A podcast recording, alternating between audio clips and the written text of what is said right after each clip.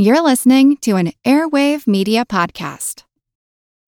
When you need mealtime inspiration, it's worth shopping Kroger, where you'll find over 30,000 mouthwatering choices that excite your inner foodie. And no matter what tasty choice you make, you'll enjoy our everyday low prices, plus extra ways to save, like digital coupons worth over $600 each week. You can also save up to $1 off per gallon at the pump with fuel points. More savings and more inspiring flavors make shopping Kroger worth it every time. Kroger, fresh for everyone. Fuel restrictions apply. For the ones who work hard to ensure their crew can always go the extra mile, and the ones who get in early so everyone can go home on time, there's Grainger, offering professional grade supplies backed by product experts so you can quickly and easily find what you need. Plus, you can count on access to a committed team ready to go the extra mile for you. Call, clickgrainger.com, or just stop by. Grainger, for the ones who get it done.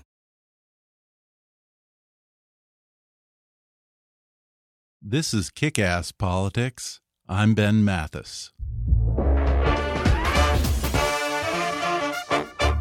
Hey, folks, we're doing a new crowdfunding campaign at patreon.com backslash kickasspolitics. That's Patreon spelled P A T R E O N.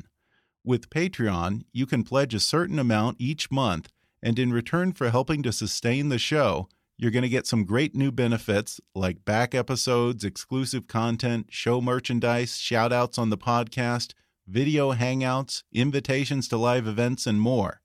Again, go to patreon.com backslash kickasspolitics. Thanks for your support, and thanks for continuing to listen. And now, enjoy the podcast.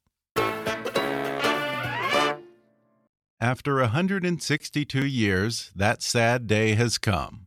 The moment the GOP finally jumped the shark.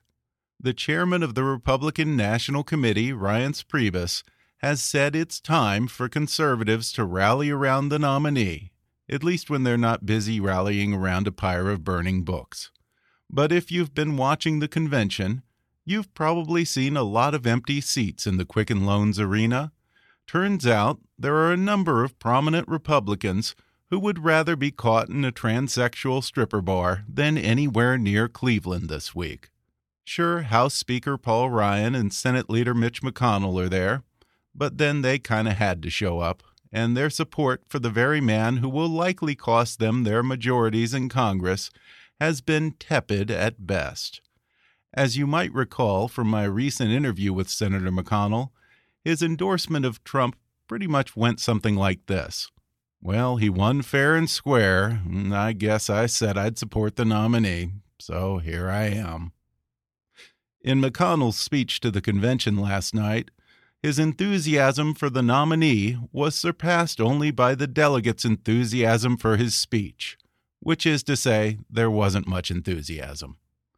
Paul Ryan, who four years ago stood on the stage as the vice presidential nominee, mentioned Trump only one time during his 12 minute speech, and then proceeded to repudiate everything Donald Trump stands for, and favored the audience with his best impression of a salmon as he pleaded with Republicans to be the party of inclusiveness, optimism, and opportunity for all. And then there was this.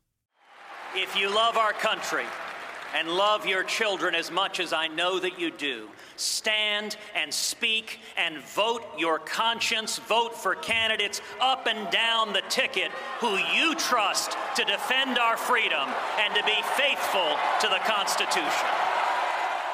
Yeah, he did it. As Senator Ted Cruz pulled off the most controversial mic drop in political convention history, all I could think was, holy shit. Now, I've never actually watched HBO's Game of Thrones. I'm not particularly big on fantasy, but I imagine the Red Wedding went something like that. The greatest irony of all is that at a convention bereft of passion and enthusiasm, Ted Cruz, of all the people, seemed downright giddy to be there. But it's telling that the list of Republican leaders who aren't at the RNC this year is a lot longer than the list of those who are. Four of the last five men the party nominated for president have politely abstained from attending, including former Presidents George H.W. Bush and George W. Bush, Senator John McCain, and Mitt Romney, who outright said he will not support Trump as the nominee. The only one who is there is Bob Dole, but he was also overheard shouting, I like Ike during Melania's speech, so let's face it, he might not know where he is anyway. Dick Cheney is skipping the convention, as is Condoleezza Rice. 18 Republican senators are conspicuously absent, including Rand Paul and Jeff Flake, who actually told reporters he plans to mow his lawn this week. Sarah Palin decided to stay in Alaska. GOP mega donor Sheldon Adelson is elsewhere, mocking Trump's paltry $10 billion net worth, or 2 billion, or whatever it is. Two of the party's rising stars, Governors Nikki Haley and Susana Martinez, decided to take a powder room break and skip it, but then they've both had less than chummy relationships with DJT, and we all know how well he does with women and minorities. Master of the subtle snub, Ohio's popular Republican Governor John Kasich decided the two hour drive from Columbus would put him over the miles limit on his car lease, which in turn ruined the carpool plans of Ohio Senator Rob Portman, so he's sitting this one out as well. And word has it that the descendants of Republican President Grover Cleveland are launching a PR campaign to remind folks that the city where it's all going down was not named after their great great grandfather. All of this is to say nothing of the very long list of Republican no shows who've taken the extra step of publicly denouncing Donald Trump and outright saying they will not vote for him. That's called twisting the knife, kids. I already mentioned Mitt Romney, he's on that list, and both Presidents Bush have said that they will likely write in a candidate or vote Libertarian in November. Jeb Bush has also said he won't vote for Trump, no surprise there. The same goes for Senators Ben Sasse, Susan Collins, and Mark Kirk, who grudgingly endorsed Trump a few months ago, but now says he won't support or vote for him. The Republican governors of Massachusetts, Illinois, and Maryland have publicly said they won't support Trump, along with GOP Congressman Justin Amash, Carlos Curbelo, Robert Dold, Richard Hanna, Reed Ribble, Scott Rigell, Ileana Ros-Lehtinen, and Mark Sanford.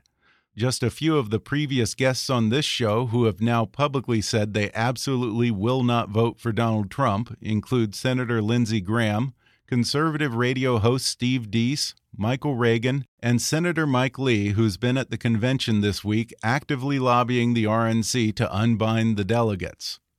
My previous guest, Glenn Beck, said in no uncertain terms he will not vote for Trump, but you can hear it from his own mouth.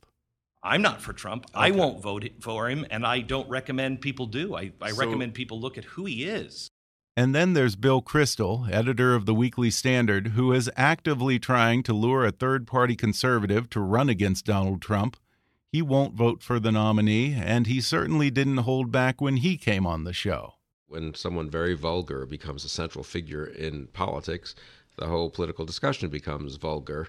And this is one of the most depressing things for me the notion that the Republican Party of Reagan and of Bush and of McCain, even Romney, who I wasn't you know crazy about, but I think is a decent man and ran on a decent yeah. platform. The idea that that's going to become the party of Trump. I don't want to vote for Hillary Clinton, and I don't want to vote for Donald Trump.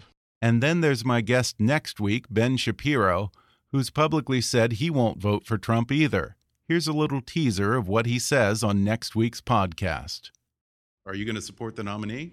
Uh, I mean, right now, no. Okay. Uh, it's, it's not my job as a conservative right. to support the nominee. My job as a conservative is to support. Well, then you and I are on the same page. Well, I'll shake your hand right now. well, you're, you're one of the few who will. I mean, it's it's yeah. I'm not. I, am a conservative before I'm a Republican. Yeah. But this is what annoys me. Every cause for which I have fought my entire political career he's pretending to carry the mantle of it and destroying it at the same time. What I don't get is the enthusiastic embrace for Trump's absolute incompetence, his bigotry, yeah. his nastiness, the fact that he doesn't know what the hell he's talking about, the fact that he doesn't know what the Constitution is. Don't cover for that stuff. Yeah. I mean, I understand you want to win, but, but to be forced into a position where you now have to support every stupid thing he says. One of two things is going to happen here. Either he's going to win, in which case he ain't going to listen to you, or he's going to lose, in which case you just sacrificed all of your principles to lose by 10 points to Hillary Clinton. Congratulations. They aren't outliers in the Republican Party, and unlike Donald Trump, who was still registered as a Democrat just six years ago, they aren't Johnny come latelys to conservatism. As recently as just a few months ago, Republicans still looked up to these people as leaders in the party. Men and women who worked for years and even decades to shape the conservative philosophy, to put strict constitutionalists on the bench, to take back the GOP majority in the House and Senate, and to grow the party. Conservative thinkers whose opinions you respected, candidates you supported and maybe even campaigned for. But now they are conservatives in exile, ridiculed and derided by the Donald and his thuggish army of malcontents who've turned words like establishment and intellectual against them, much like a bunch of grade school bullies mocking the smart kid in class and calling him a brainiac or a nerd to distract from their own ignorance and inadequacies. This episode today is part therapy session, part wake for the death or at least infirmity of the once grand old party. Maybe on a personal level, it's also reassuring to know that I'm not alone in this. But mostly, it's important to show the rational thinking Americans out there and the people who know me best, including many Democrats, libertarians, and independents, that there are Republicans who still put country before party, who won't just stay quiet and fall in line with the GOP that's turned on its own and abandoned its principles. There are Republicans, millions of them in fact, who will say to the very end, Donald Trump does not speak for us. Among those you'll hear from today are the leading Republican strategist behind the last Republican presidential campaign. He says the Trump effect could alienate voters from the party for generations to come. You'll hear from a former GOP governor who's working to get a third party on the ballot this year, but if forced to choose, will vote for Hillary over Trump. I'll speak to a leading conservative journalist who says the media's complicity in the Trump ascendancy will not soon be forgotten. And I'll also talk with two people who've done more than most to try and prevent this catastrophe. One is a former communications director for Jeb Bush, who was behind the leading anti Trump super PAC. And then there's the delegate who spearheaded the effort to take the fight all the way to the convention floor this week. And believe me, when these conservatives say never Trump, they mean never. Coming up in just a moment.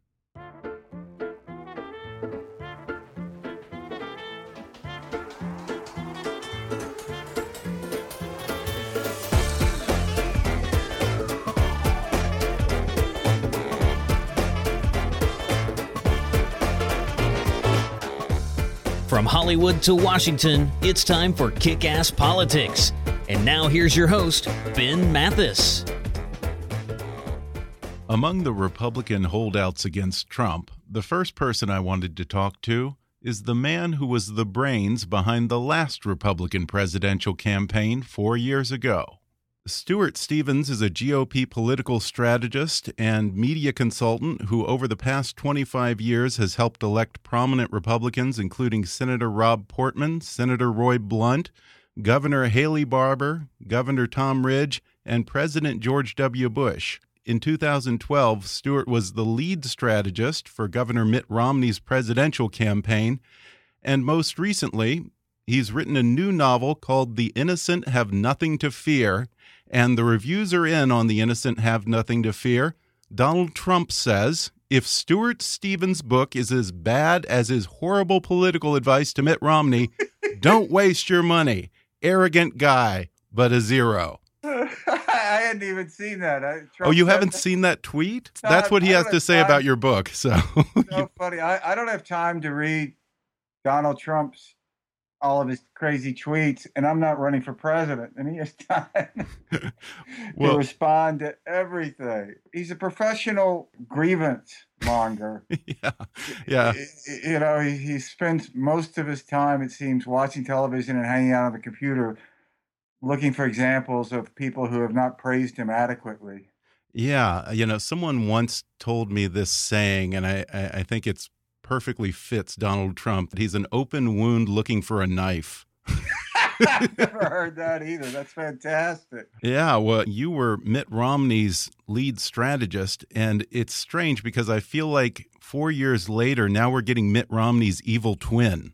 a you wealthy know, um, businessman um, who's everything that Mitt isn't, because you have the millionaire who got his money honestly, didn't rip off a bunch of people. Then you have the guy who, you know, started Trump University and screwed a bunch of middle class, hardworking people. You have one guy who's a good family man, loyal to his wife. You have another guy who's had three marriages to models. I mean, it's just, you have one guy who's extremely articulate and very well informed, knows policy. And then you have another millionaire who's the exact opposite. I laugh every time I hear Donald Trump described as, you know, anti-establishment. He's the essence of the American establishment. Inherited wealth living on Fifth Avenue. Yeah. I mean, the Trump company was started 93 years ago. Uh, a lot of people say, oh, Mitt Romney was, a, you know, not a great candidate and everything. Well, on election day, Mitt Romney's favorables were 50%, his unfavorables 47 for plus three, about the same as President Obama. Mm-hmm. Um, despite this massive campaign that incumbent President is able to muster. Today, Donald Trump has minus 25 to 30 negatives. By any measure, Trump is a much, much worse candidate. I have to wonder, it must drive you crazy that Romney got completely crucified for his 47% comment, and yet Trump can say anything. In his own words, he can literally shoot someone yeah. on Fifth Avenue, and his people know, will still ways, support two him. Ways to look at that. Um, Trump does say this crazy, disqualifying stuff, but in a way, he doesn't get away with it because only about 33% of the country likes Donald Trump. Yeah. You know, Trump is like a, a, a restaurant that has some loyal customers. People go there. Maybe you got engaged there. You like it. You know, the food's not great, but you like it. But he gets terrible, that restaurant gets terrible online reviews. And nobody new is going to that. And Trump is not growing and he spent yeah. today, for instance, the day he clumsily announced his vice president, attacking other Republicans. You, you know, he, he reminds me of the suicide bomber instructor who stands in front of his class and says, you know, pay attention. I'm only going to do this once. um, it's just so self defeating. Yeah. And you wrote a great article in the Daily Beast a couple of months ago called The Republican Myth of the Untapped White Voter. Uh, I thought we learned that lesson in the post mortem from 2012 election. How badly I, do we need to get beaten for this to sink in? Yeah, you know, it's a really good point, and I give Reince Priebus a lot of credit for going through that uh, so-called autopsy. It's a very hard thing for any organization to be self-critical, particularly an organization that you just led. Yeah, um, and I, I thought Reince really did did that well. Most of those conclusions were right. I would quibble with some, but the unfortunate thing is the party is going in the complete opposite direction, with every reason to believe it will have disastrous consequences. You can't really argue that there's not a political imperative for a party to represent a larger part of America than the Republican Party in national elections has been able to. You just can't get elected a national election without expanding the Republican Party you know, before 1964, Republicans got routinely around 30, 35% of African Americans, which isn't great, but isn't catastrophic. I mean, if you're at 35%, you can foresee getting to 40, and if you're at 40, you can foresee getting to 50. But after the 64 election, it just fell off the cliff. So now in these recent polls, um, in swing states like Ohio, Pennsylvania, Donald Trump was getting zero percentage of African American vote. You couldn't even find an African American for Donald Trump. You know, when I worked on the Bush campaign in 2004, we got up to, I think, 40% of Hispanic uh, vote. Right. Um, that then, for a number of reasons, dropped off. You know, in July of 2011, a generic Republican was getting 27% of Hispanics, and Mitt ended up with 27% of Hispanics. That, that doesn't mean that the primary hurt him, it just didn't help him. But now Trump is doing worse. Um, he has a favorable like 65% with just Hispanic Republicans. They're the ones that are supposed to like us. And if you look at the last few uh, cycles, whatever Republican vote that uh, Hispanics gave in California pretty much mirrored the national numbers. Right now, Donald Trump is getting 12% in California. Huh. So if what happened in 1964 with African Americans happens with Hispanics in 2016, um, it's generationally Yeah. uh, destructive. Wow. Any chance Republican Party has to win a national election. Well, in March, Governor Romney, who you worked for in 2012, gave what I thought was a positively Churchillian speech, articulately laying out the case against Donald Trump. What was the goal there? Was he sincerely thinking he might be able to sway the unswayable Trump voters, or what no, was I, the you goal? know, I think I think Mitt is um, is nothing if not realistic. I mean, Mhm. he is a very good analyst um, of of data, and he it's it's one of the reasons he was so successful in business. He's able to look at a situation and not kid himself about the reality of it. Um, I, I think he spoke up because exactly what he said. He, he thought it was a matter of conscience, um, and he wanted to go on record uh, how he felt. And you know, pretty much, I think with with Mitt now, his on the record is the same as his off the record. hmm I mean, he's saying what he straight out believes from the heart. Um, Unlike Trump. Well, Trump, I, you know, who knows what's in his heart, but I, I don't really care. It's what he says. Yeah. Are you sure you can't talk Mitt into a third party run? you know, um, I, I, I think he's realistic about the odds of winning in a third party. hmm Uh, you know, it's very, very difficult. And you could make a case that you could throw it into the House of Representatives because if no one gets 270 electoral votes, it goes to the House. But it's very difficult to make a case that the independent would be in first place if it was thrown into the House. And the odds seem overwhelmingly that the independent would be in third place. Just, I don't think Mitt, you know, I mean, I think he looks at this and to run with no chance of winning, and yet any candidate has to position themselves as if they could win. Yeah. That there was something about that that just didn't ring true with him. Yeah. On this show, we all have our reasons for not supporting Donald Trump this year. But what is it that personally bothers you most about him? I believe that one of the essential elements of being a successful president is having a, a humbleness that allows you to learn and to admit mistakes. Because the one thing we know about all presidents is they make mistakes, larger or smaller, but they all make mistakes. And your Yeah. ability to learn from that, I think, is essential. Um, Trump seems incapable of learning from mistakes Yeah. um, because he won't admit that he was wrong. That, that ultimately, I think, is the most unfixable part of Donald Trump. Is you know he's just a badly damaged person. I have no idea what happened to him, but something unfortunate. He, he really doesn't have any friends. He has this weird little world of people that he pays to praise him, and that's that's a very dangerous uh, trend. I mean, he was supposed to announce his vice president today at 11 o'clock news conference. And last night at midnight, apparently, he was saying, Well, do I have to really pick Pence? It's just, this is not someone that you'd want to sit next to flying across the country, much less Yeah. hand the nuclear codes to. So this is probably not someone who's going to appoint a cabinet of rivals. No, it, it, you know, with Donald Trump, it, there are two approaches either defiance or submission. And he humiliates anyone who supports him. And because once you've submitted to Donald Trump, he doesn't respect you. Yeah.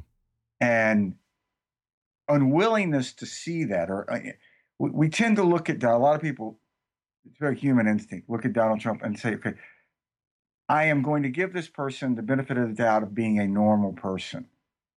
He's not. Yeah. Well, Stuart, you know as well as anyone that there's a difference between campaigning and governing. Uh, presidents always talk about that moment at some point after they're sworn in when it dawns on them the weight of the office, the obligation to live up to the integrity of the presidency and the legacy of those who came before. Do you think if Donald Trump was elected, he could grow into the role of president? He has no respect for governing, nor does he understand it. I mean, he's someone who's talking about right. defending Article 12 of the Constitution. There is no Article 12. oh, um, I haven't heard that one. Yeah, no. In a meeting with uh, when he met with uh, House Republicans, um, some they were asking him about his understanding of Article Six, which he had, and Article Two, both of which he had no inkling of, and he kind of said, "Well, I'll defend all the articles. You know, one, twelve, whatever you want." Well, you know, the way he talks, he, he just might create a, an Article 12 on his own. Say what you will about Hillary Clinton. If you impeached her, she'd leave office. Yeah. And I don't think Donald Trump would. I think he'd attempt not to. He just has no understanding of sort of basic fundamental American values.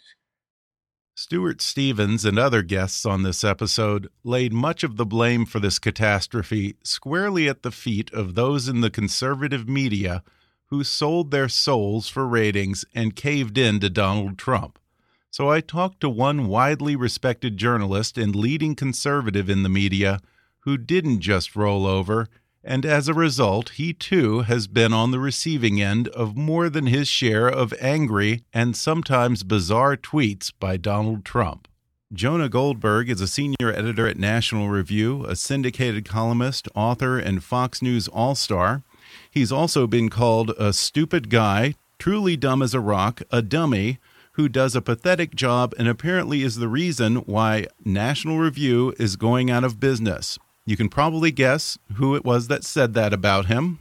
Jonah, welcome on the show. It's great to be here, Ben. Thanks. So, those are just a few of the things that uh, Donald Trump, the tweeter in chief, has said about you on Twitter. Uh, I think one of my favorite responses, uh, you said, Donald Trump thinks I'm a pain in the ass. Alas, he doesn't realize that's the fastest route to his brain. well, so the other thing you left out, though, which I, I was sure you were going to go there, is I wrote some column about him, and some NBC reporter read it to him, and he did his usual routine of, I went to the best schools, I made all this money, I have all these businesses, and I got to hear this from a guy like that who can't even buy pants.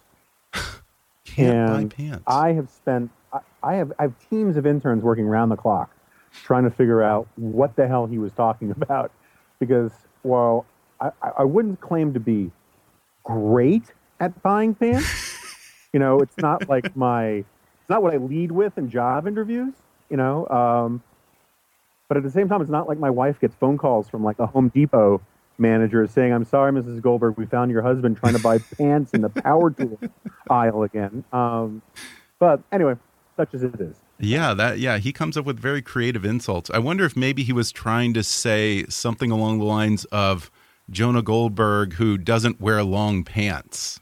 Belittle you as if say that you're a little boy or something and just kind of screwed it up along the way.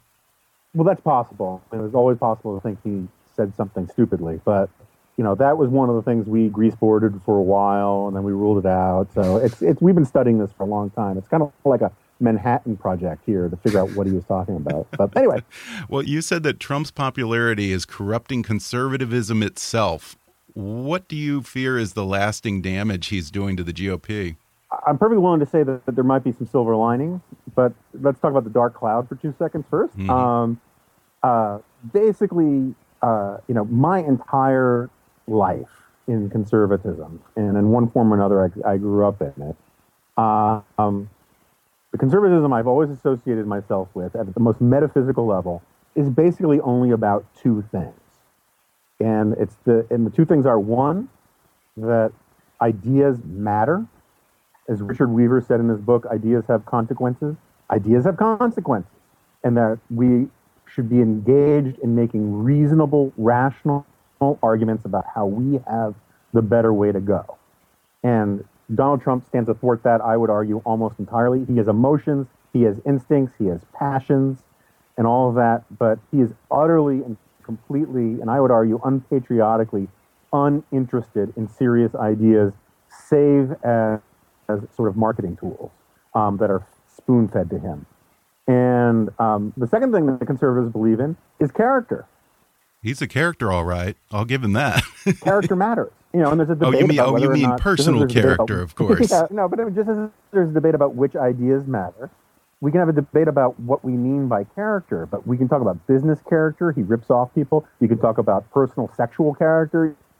You can talk about religious character. I am open to different debates about what we should mean about character in our public life. It's a perfectly valid thing to argue about. But I've yet to come up with a definition of character that he doesn't fall short of. Is it a case where the traditional conservative message of small government putting power in the people's hands instead of Washington's hands has gotten hijacked or perverted so that now it's just a rant against anyone who has any experience, any expertise, anyone who knows policy is a pariah and it's just this blanket embrace of amateurism? I think there's a lot to that. I mean, there's certainly a lot to that, and I think that explains some of it. Um, I also think that part of the problem is is that everybody overpromised and underdelivered. And you know, Sean Hannity and Rush Limbaugh like to talk about how you know uh, Paul Ryan and Mitch, Mitch, McConnell and those guys overpromised and underdelivered, mm-hmm. and they're right. But so did Sean Hannity and, and, and Rush Limbaugh and Ted Cruz and those guys. They promised things that that uh, Ted Cruz couldn't deliver, saying the government shut down, that um, uh, that no one could deliver. And then he, in comes this guy who just basically says they're all idiots, they're all weaklings, they're all pussies. I'm going to come in and I am just going to be a 800 pound alpha ape and get everything done. And I find it just shockingly BS. I mean, I just I, I just think he's a con man. Yeah. I, I watch. I do not understand how people can take his promises seriously, or think. You know, this is a guy who whose daily clippings, the things he reads to get up to speed, all his staff does is type into Google News Donald Trump and then print out the findings. And he reads through all of it. He doesn't read about what's going on in Syria. He doesn't read about what's going on in Russia. The only thing he cares about in his narcissism is what people are saying about him. And he marks up the pages. The guy is unbelievably ill prepared to be president of the United States. And the fact that people can't see it baffles me. The fact that people don't care doesn't because they think look at these jackasses with all the right credentials, look how little they've done. What, how could this guy do worse? And I, I get that argument. I just think it's wrong. My favorite is everyone likes to say what a great communicator and a great marketing genius he is. But, you know, I listened to five minutes of the words out of his mouth, and I don't think that rather than admitting that he's so extraordinary what he does, do some of us in the conservative party maybe have to do some soul searching, admit that there's a lot of ignorance, perhaps, within our party, or at least a significant ignorant demographic that's driven this? Y yes and no. I mean, history is full of examples of smart people losing their minds or refusing to see what is obvious. I mean, the, the number of college educated, educated people who swooned for the secular messiah of Barack Obama in 2008 True. You know, it wasn't that they're, they're stupid people. It's just that they got ensorcelled. And that's the definition of a charismatic personality is somebody who you can project all your goals and aspirations on, even though they offer you almost no credible explanation about how they're going to fulfill them. And, you know, it's overdone, but this idea that, that Trump is sort of a Republican Barack Obama has more merit to it than people want to recognize. I mean, I've been writing about the perils and dangers of populism for a very long time. The only populist movement I ever liked was the Tea Party movement because I thought they were going to fulfill that ancient libertarian prophecy of taking over the government and then leaving everybody alone. But the problem with populism, historically speaking, um, populism is anti ideological, it's anti intellectual, it's anti idea. It basically means that the mob is right. You know, as William Jennings Bryan, the most famous populist in American history, said, um, the people of Nebraska are for free silver. Therefore, I am for free silver. I will look up the arguments later. and um, that's the situation that we're facing inside the ranks of the Republican Party and the grassroots. And I understand it. I, I really understand why people are fed up with the status quo. I understand why they're sympathetic to some of the stuff that Donald Trump is go- doing. I call it the, the Trump non sequitur. I agree with almost all of the arguments, almost all the arguments for Donald Trump we need to overturn the status quo. We need to sort of move past these sort of stale policy debates. We need to take sovereignty more seriously. We need to take into account the lives of the rank and file, lower middle class who are hurting. I agree with all of that stuff. I just, I, you just lose me entirely when you, then you then say, and that's why we have to support Donald Trump. As a journalist, what do you have to say about the other media outlets like the Breitbart.coms and the Drudge Reports who cut off all oxygen to every other candidate whose initials weren't DJT? One thing that Donald Trump has revealed is the enormous number of hacks out there mm -hmm. who mm-hmm. turns out weren't the conservative purists that we thought they were or that they said they were, but are instead, you know, they like Trump's celebrity, they like his ratings, they like going to Mar-a-Lago. Who knows? But uh, they certainly didn't like the pure conservatism that they claimed to like a while back. One can get into a whole sort of very cynical thing about, uh, you know, cui bono, you know, who, who's paying them and all that kind of stuff. I have no idea any of that kind of stuff. It might just be pure innuendo, but um, I don't follow Drudge that closely. But I, I suspect that his support for Donald Trump is partly because he agrees with Donald Trump, partly because he's a huge pot stirrer, and partly because he's very, very close with Ann Coulter, who's essentially you know, the Beria of the Trump world. So that I, I can understand the, the, the Drudge stuff. In terms of Breitbart, you know, I have friends over there. Andrew Breitbart was a very close friend of mine, and I just find it all heartbreaking.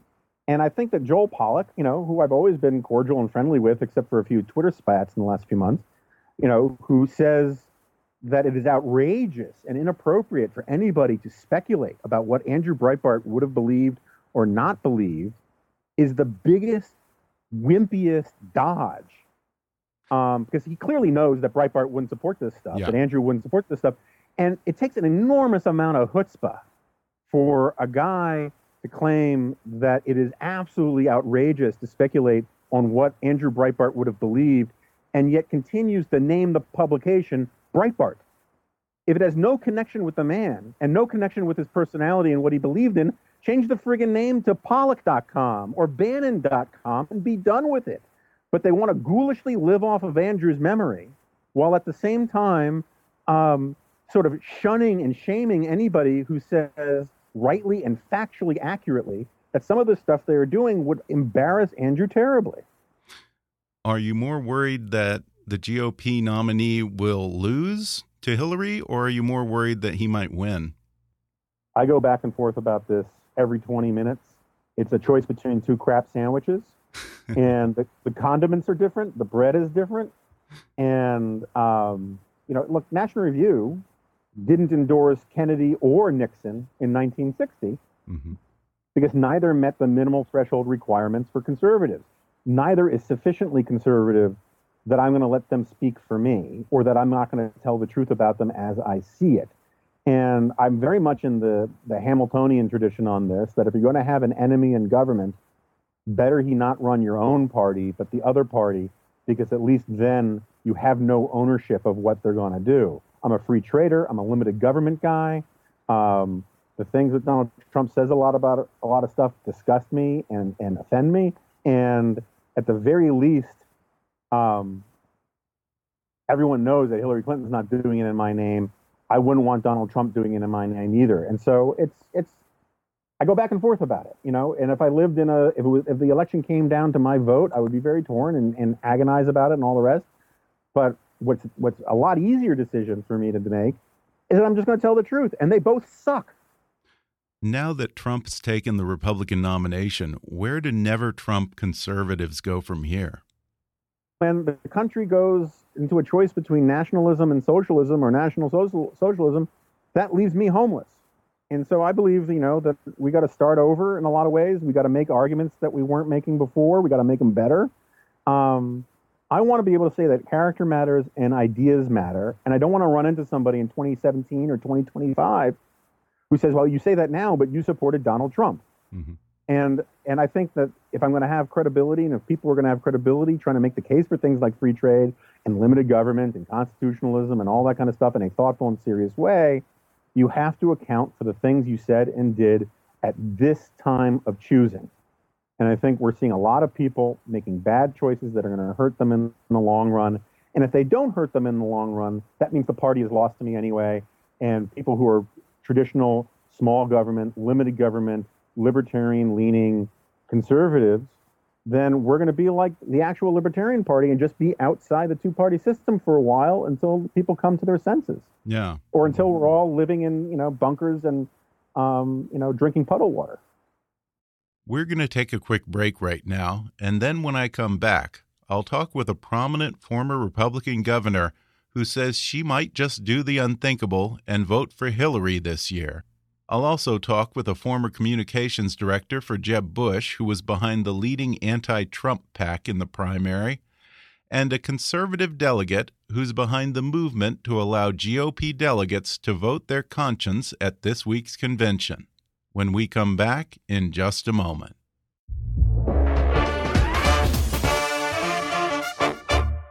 If you enjoyed my earlier conversation with Republican strategist Stuart Stevens, then you'll enjoy his new novel, The Innocent Have Nothing to Fear. It doesn't get more insider than that, folks. And now you can download the audio version of his book for free with a special promotion just for our listeners from audible.com.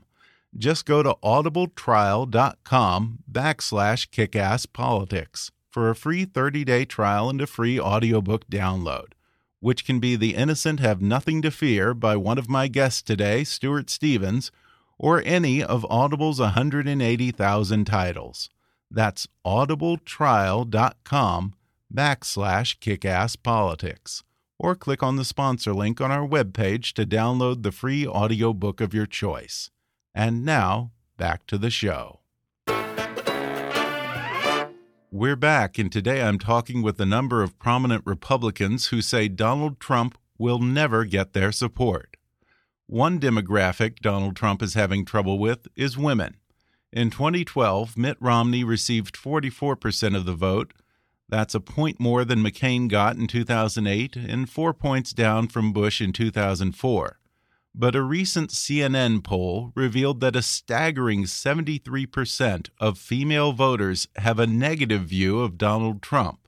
And even 47% of Republican female voters said they could not imagine themselves voting for him in the general election. One of them is this woman.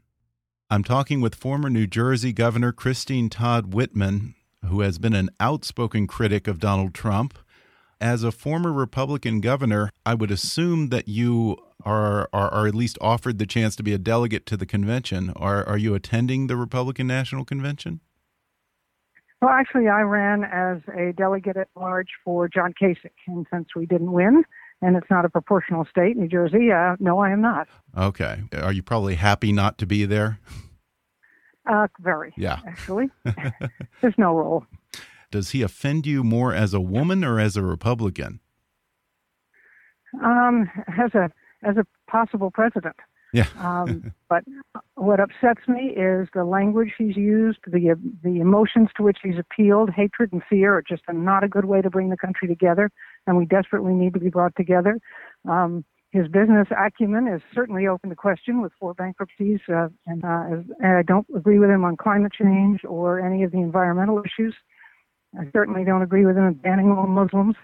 And I think he puts us in a very dangerous position from an international and safety standpoint by saying that we should torture uh, beyond waterboarding and that we ought to uh, bomb the families, kill the families of terrorists. I mean, that just drives more people into those camps and allows the ISIL recruiters to be backed up when they say America hates you. America is going to try to do everything they can to destroy you. So join us and we can destroy them. Other than that, he'd be great. a few minor adjustments. Um, Trump likes to say that he can even win in blue states like his home state of New York and your state of New Jersey. What do you think his odds are of taking New Jersey in the general? I think they're pretty, they're very slim. Yeah. I mean, we're a pretty moderate state. And of course, his history in this state hasn't been great. He'll claim he created thousands of jobs, which for a nanosecond he did, but uh, we've lost all of those and then some and he left a lot of people hanging in Atlantic City. And you were fairly critical of uh, the current governor of New Jersey, Chris Christie, for his rather craven and assumingly self motivated endorsement of Donald Trump after he dropped out of the election. Do you think that his support will do anything to help Donald Trump in New Jersey? Well, his approval rating, Chris Christie's approval rating in the state is in the 20s, so I don't think he's going to bring a lot to the table as far as getting New Jersey behind okay. the presidential candidate. Okay. Uh, it's almost a foregone conclusion that the Republican Party is going to be changed by this turn of events and, at least in some part, remade to suit the nominee. Do you still feel that you can identify with the party? It's getting tougher and tougher. And frankly, I think both major parties are going to have to do a real reset after this election. They're both starting to move so far to the extremes that they're really leaving the majority of the American people with no place to go. And that's why, you know, when you have two candidates for president, the two major party nominees with their negatives higher, way higher than their positives, there's something wrong. We can do better than that in this country. We deserve better if we take it into our own hands, as we being the people who can vote. And we need to start to get really engaged. But I think the winning party would be one that, that appeals to that central mass of people. It's why, you know, the unaffiliated have been those those are the registrations that have been growing, not Republican and Democrat. One candidate who was hoping to win the nomination in the White House by actually reaching out and growing the party was former Florida Governor Jeb Bush. Of course, we all know how that worked. But I talked with one of the top people on the Jeb campaign who stayed in the fight even after Governor Bush dropped out, working for a super PAC that spent millions against Donald Trump. He had some insight on how this whole GOP primary went so horribly wrong. I'm talking with Tim Miller. He was the communications director for the Jeb Bush campaign for president. And then he became a communications advisor for Our Principles PAC, which was the leading PAC spending money and attacking Trump in the GOP primary here. Uh, there was a thicker Oppo file on this guy than there has ever been on any candidate that I can possibly think of. And yet none of it seems to matter I was watching an interview with you where you were outlining a strategy to educate voters. Did voters just not want to be educated?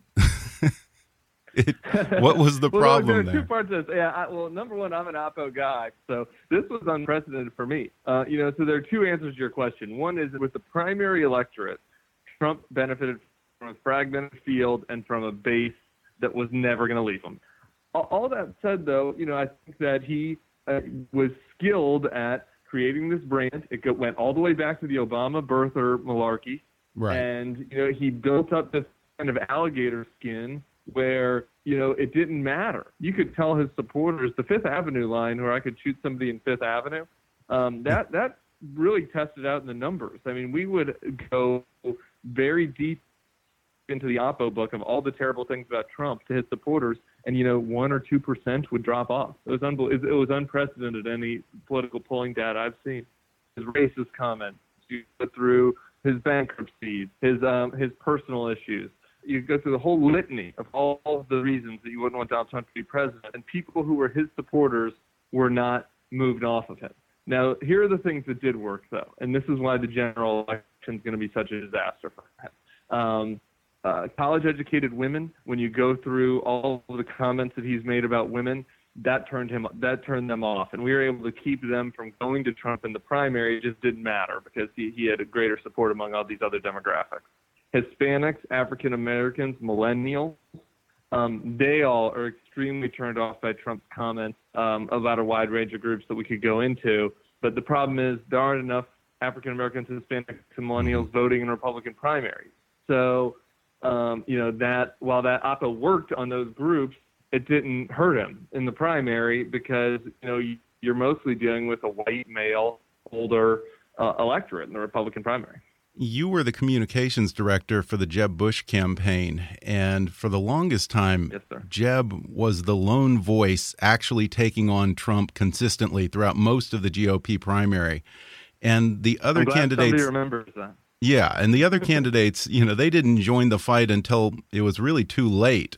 Uh, does that make you mad that everyone was kind of a Johnny come lately to the fight that Jeb started? Um, yeah, well, it, it, it makes me mad now when when people say that you know Jeb didn't do enough or Jeb should have dropped out or it was Jeb's fault. When people try to blame Trump on Jeb, that upsets me because uh, Jeb was months ahead. I, I remember being in a meeting where Jeb had been the only one attacking him for about a month, and I, and I I said we need to start to take credit for this, so because these other guys are going to start doing this soon. That was in November. They didn't start until February. You know, look, I, I think that the only way to stop Trump, in my view, in retrospect, would have been collective action at the start yeah. from Cruz, Carson, Marco, Jeb, Kasich, whoever I'm forgetting, um, and everybody going at him in the same way that you know we would have had been the same way that everybody would have gone after Jeb had it been Jeb in the lead. But everybody kind of presumed he was going to fall. Yeah, and our Principles PAC spent I think around 17 or 18 million against Donald Trump. Were you disappointed yeah. that a lot of the big donors on the conservative side, the Sheldon Adelsons, the Koch brothers, sat on the sidelines and did nothing to stop this? Yes, and elected officials. And look, I right. think that the Ricketts family, who started this before I even got on board, um, owner of the Cubs, Go Cubs, I'm grateful that, that they stood out and did this because it was needed. Um, I, I was shocked. You know, I think a big part of this was Cruz and a lot of the establishment and the donor class hated Cruz so much mm-hmm. that they didn't that they felt like it was you know choosing in the Iran-Iraq war, uh, and so they stayed on the sidelines. Um, but you know, look, March, April, the time when there was kind of this last effort to stop Trump, a lot of our elected officials sat on the sidelines. A lot of the donors sat on the sidelines. And after we beat him in Wisconsin, you know, there was a big push, you know, to stop him. Um, then as you went along to the East Coast states, and there just there wasn't the interest. Um, and uh, and I, I think a lot of people are going to look back on that and regret it. Yeah, and then suddenly the panic set in once it was too late. After everyone had said, "Oh, he'll implode. Let's not take him seriously." And then suddenly once it's too late and we're already in the middle of the primary voting, then suddenly everyone's freaking out. And then we go from almost instantly from it being too soon and Trump's going to implode to it being too late to do anything. yeah. Well, and uh, and frankly, some people we, we shouldn't forget got on board with him. And that stuff really hurt, you know, and Chris Christie, I hate to give him credit for anything. But when somebody that has, you know, credibility as a blue state governor, you know, was at one time a rising star, you yeah. know, comes out and endorses Trump, it, that stopped a lot of the bleeding for Trump, and that helped normalize him. Have you talked to to Jeb lately? How is he holding up nowadays? Yeah, I talked to him the other day, um, and he's doing well. Look, I, I think that it was clear in this election that it was not going to be him. And and and there's you know I think while he wishes he was in this fight, and while I and I believe and he believes, I think rightly that that you know if Hillary Clinton is tied with Donald Trump right now, that Jeb would have a pretty healthy lead on her. Um, so that's a little bit frustrating. Um, at the same time, I think he has solace in the fact that if the party was going to go for a Trump, it, it wasn't going to be Jeb. You know, and I think that sometimes you lose a campaign and, you kind of lay up at night thinking, man, if only I'd done this thing different or that thing different, I would have won. I, I think he has solace in the fact that that wasn't the case for him. Uh, he made his best case, and the party went completely the opposite direction. Um, and you know, so that's how politics works. But one person who isn't quite ready to accept the Trump coronation is my next guest, who's taking the fight to stop Donald Trump all the way to this week's Republican National Convention. I'm talking with Kendall Unruh, who is a Colorado delegate to the Republican National Convention and co founder of the Free the Delegates movement, which has been campaigning to get the Republican National Committee to unbind the delegates and allow them to quote unquote vote their conscience at the convention, or in other words, vote for someone other than Donald Trump. Kendall, thanks for calling in. Oh, sure. Thanks for the time. Uh, you had a bit of a setback last week when the RNC Rules Committee voted down your group's proposal to unbind the delegates. So, what's sure. next for you guys? Well, they didn't just vote down the conscience clause, they stripped the party of everything that is remotely conservative they made sure and guaranteed that the grassroots conservatives in the party never have a voice. And they put all the power back into the hands of the RNC and into the elite establishment. And Donald Trump, the establishment candidate that he has now revealed himself to be, was working in tandem with the RNC, whipping their votes, telling them exactly how to vote on every single rule. Now, when you say the RNC was telling delegates how to vote, are you talking about the RNC chairman Reince Priebus? What do you have to say about his role in all this? Reince Priebus said, he was 10 feet from me when he said this on an interview, that they laid this issue to bed. No, what they did was they laid us on a bed of nails, and we are hopping mad about it because this is the grassroots element of our party are the ones who comprise the delegation on the floor. They chose to take this fight to the floor because I tried the decorum of the process by sponsoring the conscience clause. I never wanted to be criticized by not following the rules, by not following the process. So they chose this floor fight that's coming because there will be backlash. There's not going to be a kumbaya moment because okay. it's time to take back what was stolen from us. So, if you're planning to take this fight to the convention floor, what can we expect to see when all eyes are on Cleveland this week?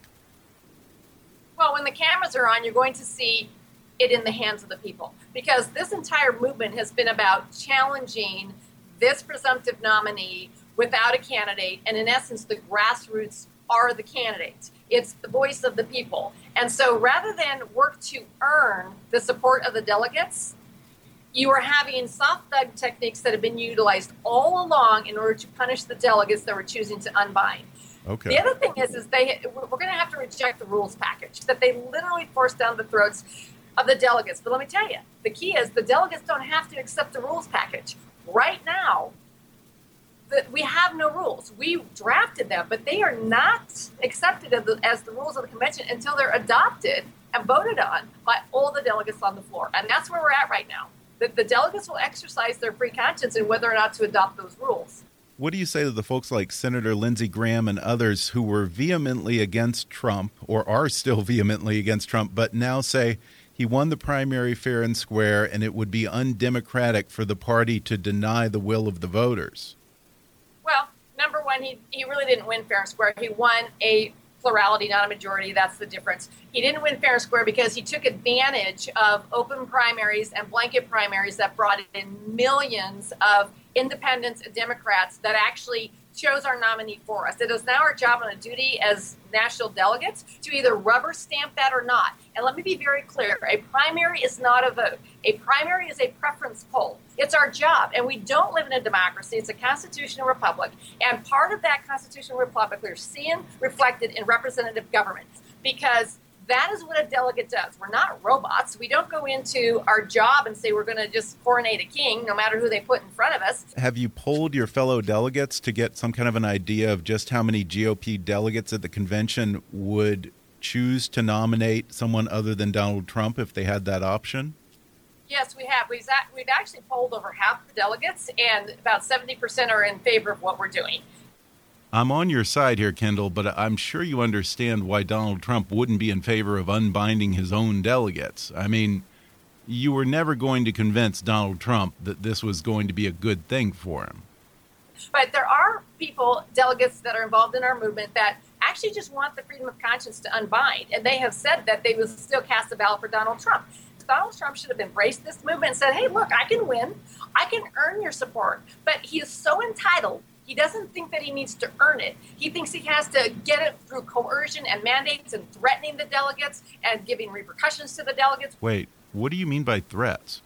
We've had surrogates that we have proof that we're actually using threats of physical violence against our delegates. Wow. When I went public with this, there were I've had over a thousand death threats. I'm actually in competition with some others. One other had over 3,000 when he went public against Donald Trump. And literal death threats where they're saying we're going to hurt you. Yes, I had no idea there were so many creative ways to kill somebody. But these are the Trump supporters. And let me tell you what's so disconcerting to me about the fact that I have gotten tens of thousands of threats, but you know specifically the death threats, is the fact that um, the heart of the candidate is reflected in the supporters. Just like you have a heart of a priest or a pastor that's reflected in the church or the parish because you just tend to gravitate to somebody that you project yourself on because they reflect who you are. That is what we have in the Trump supporters because you have a candidate that could have shut it down and he chose not to. What he chose to do is he chose the demagogue, the hate, and the anger. And you had a candidate that incited that kind of incendiary behavior out of his followers. You all heard it. It was, I'm going to punch you in the face. If you punch him, I'll pay right. your legal bills. What presidential candidate says that kind of thing? But what has happened now is that has been transferred on from the supporters to the delegates that are voting, and they're being subjected to those threats. And of course, wow. Donald Trump isn't shutting it down. He's encouraging it because that's how he's going to win this nomination.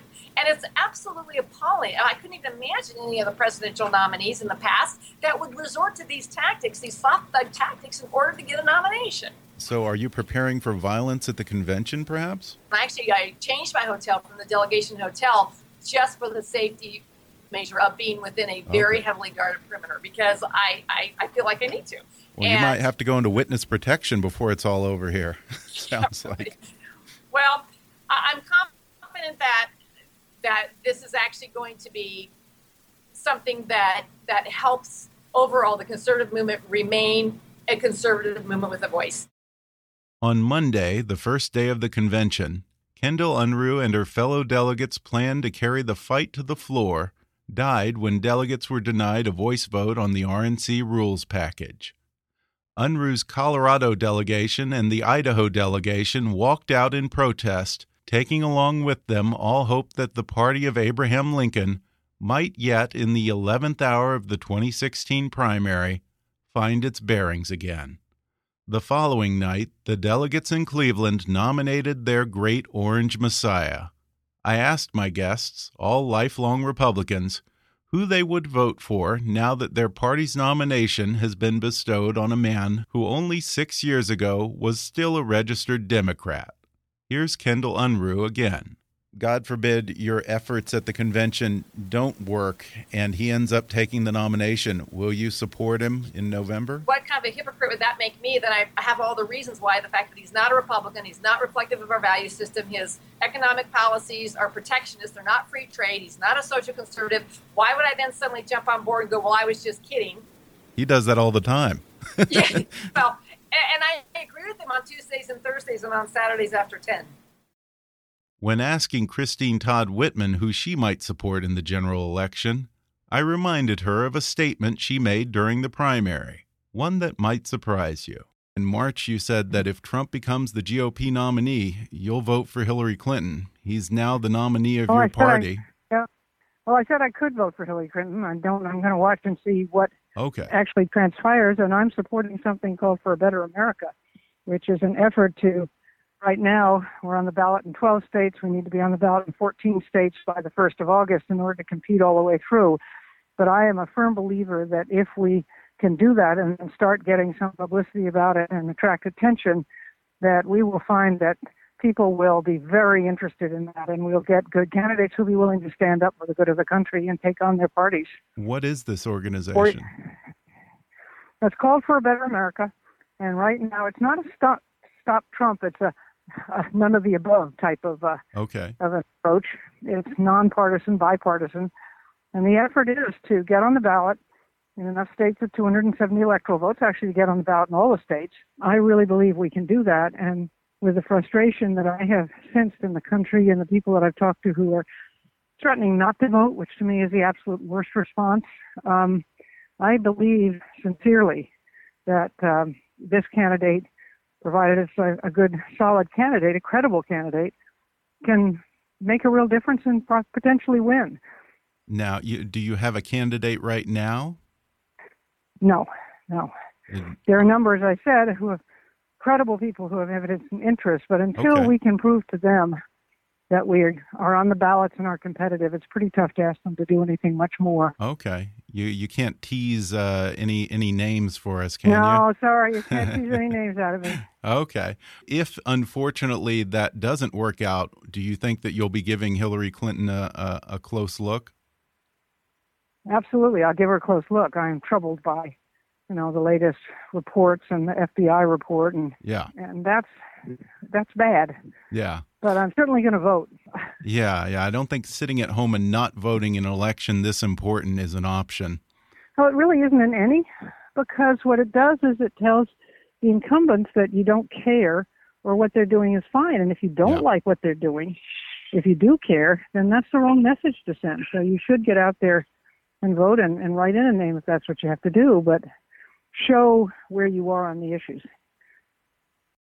I also reminded Stuart Stevens about a similar statement he made about Hillary Clinton, and he took a more philosophical approach.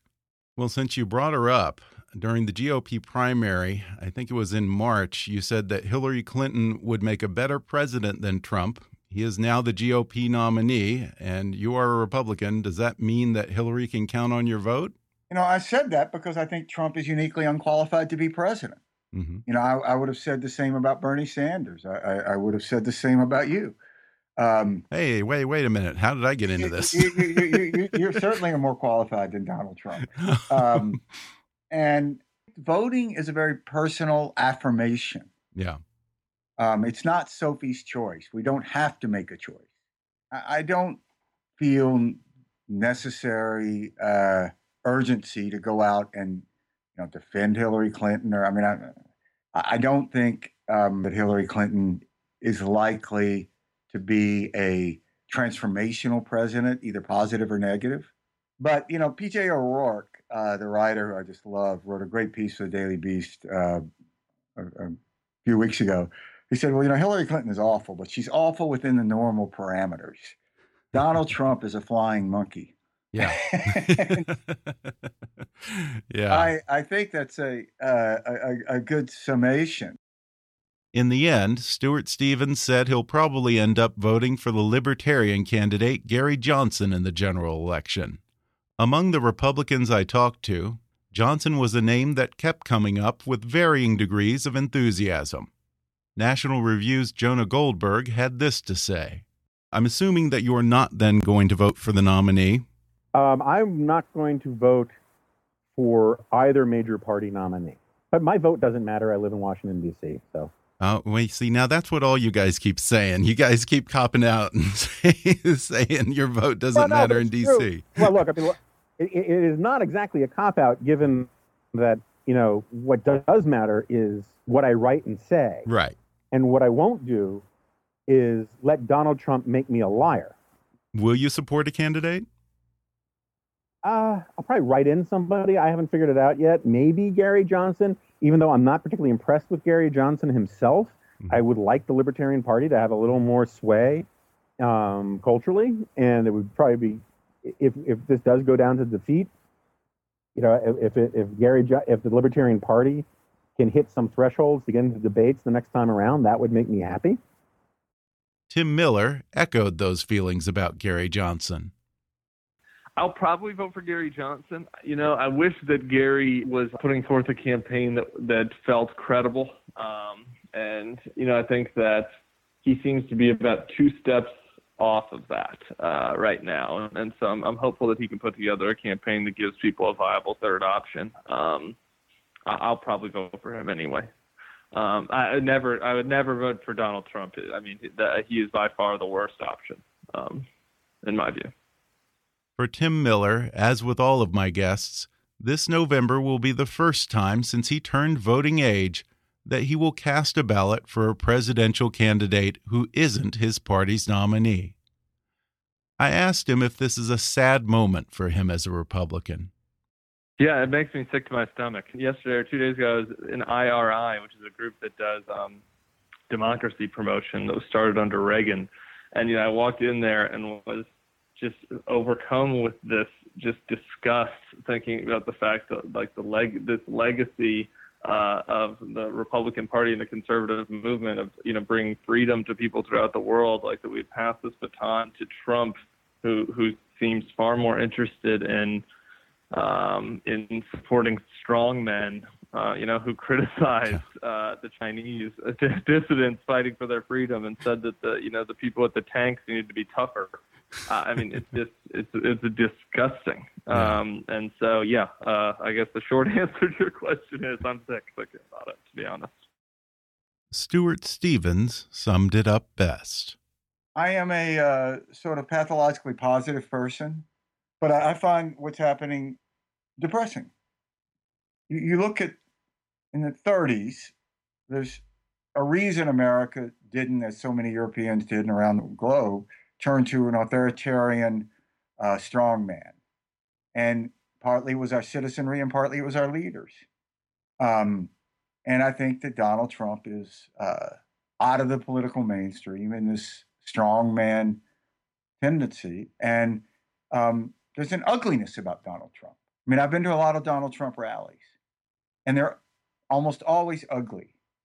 You know, Donald Trump speaks to that part that's inside all of us that feels well, that one time you got cheated or you didn't get a fair shot or yeah. you know whatever it is that that you know kind of rubs you the wrong way. He he tries to speak to that and play on it, yeah. much as George Wallace did. Yeah. Um, and that's an ugly feeling, and that's why so many people come out of Trump rallies pumped up and sort of spoiling for a fight.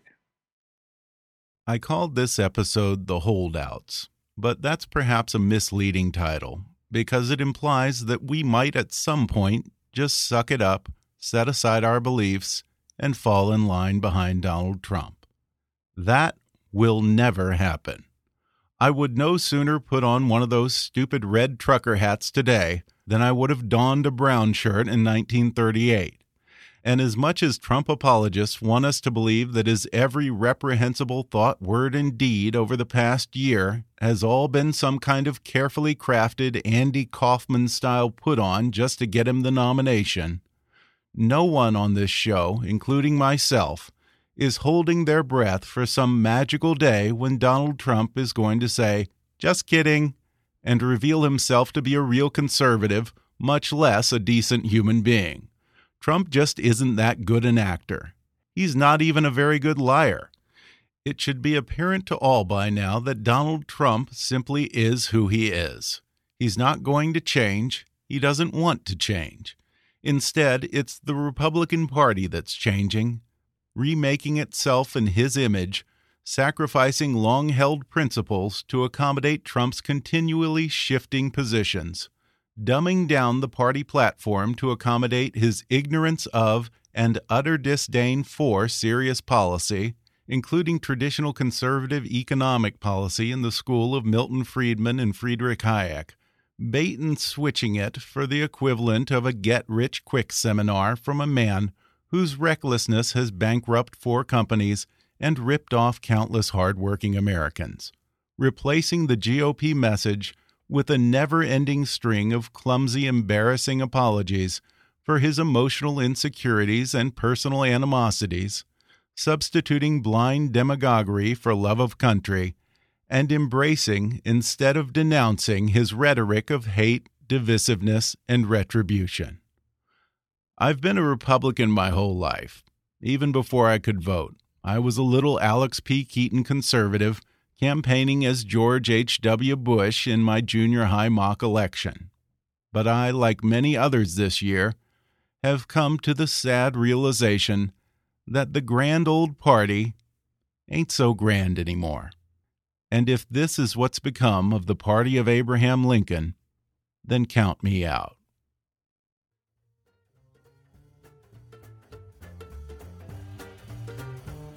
I want to thank my guests again Stuart Stevens, Jonah Goldberg, Christie Todd Whitman, Tim Miller, and Kendall Unruh for coming on the program.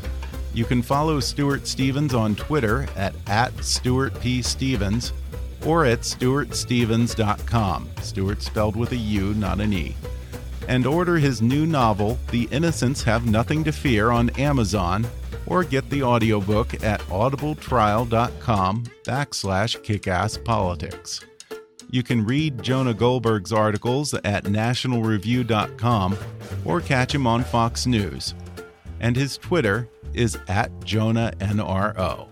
Governor Christie Todd Whitman is also on Twitter. Her handle is at GovCTW.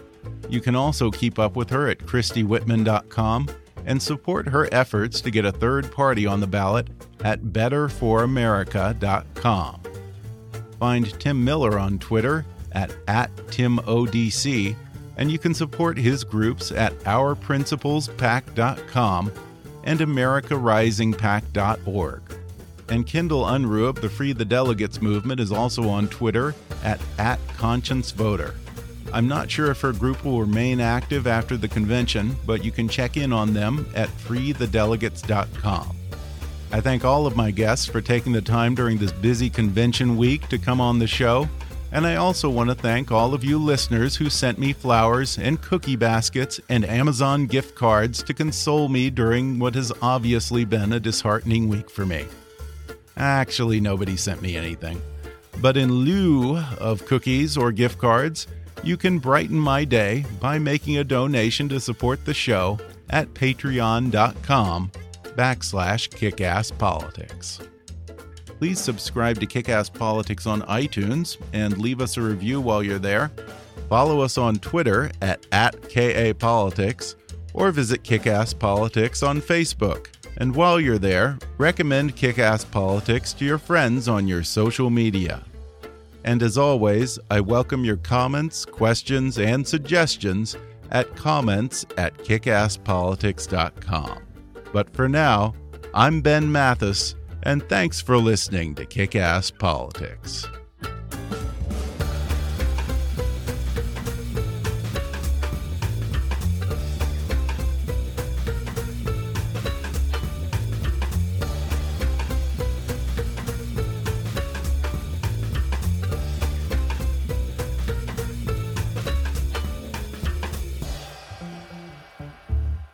Kick Ass Politics is a trademark of Mathis Entertainment, Inc.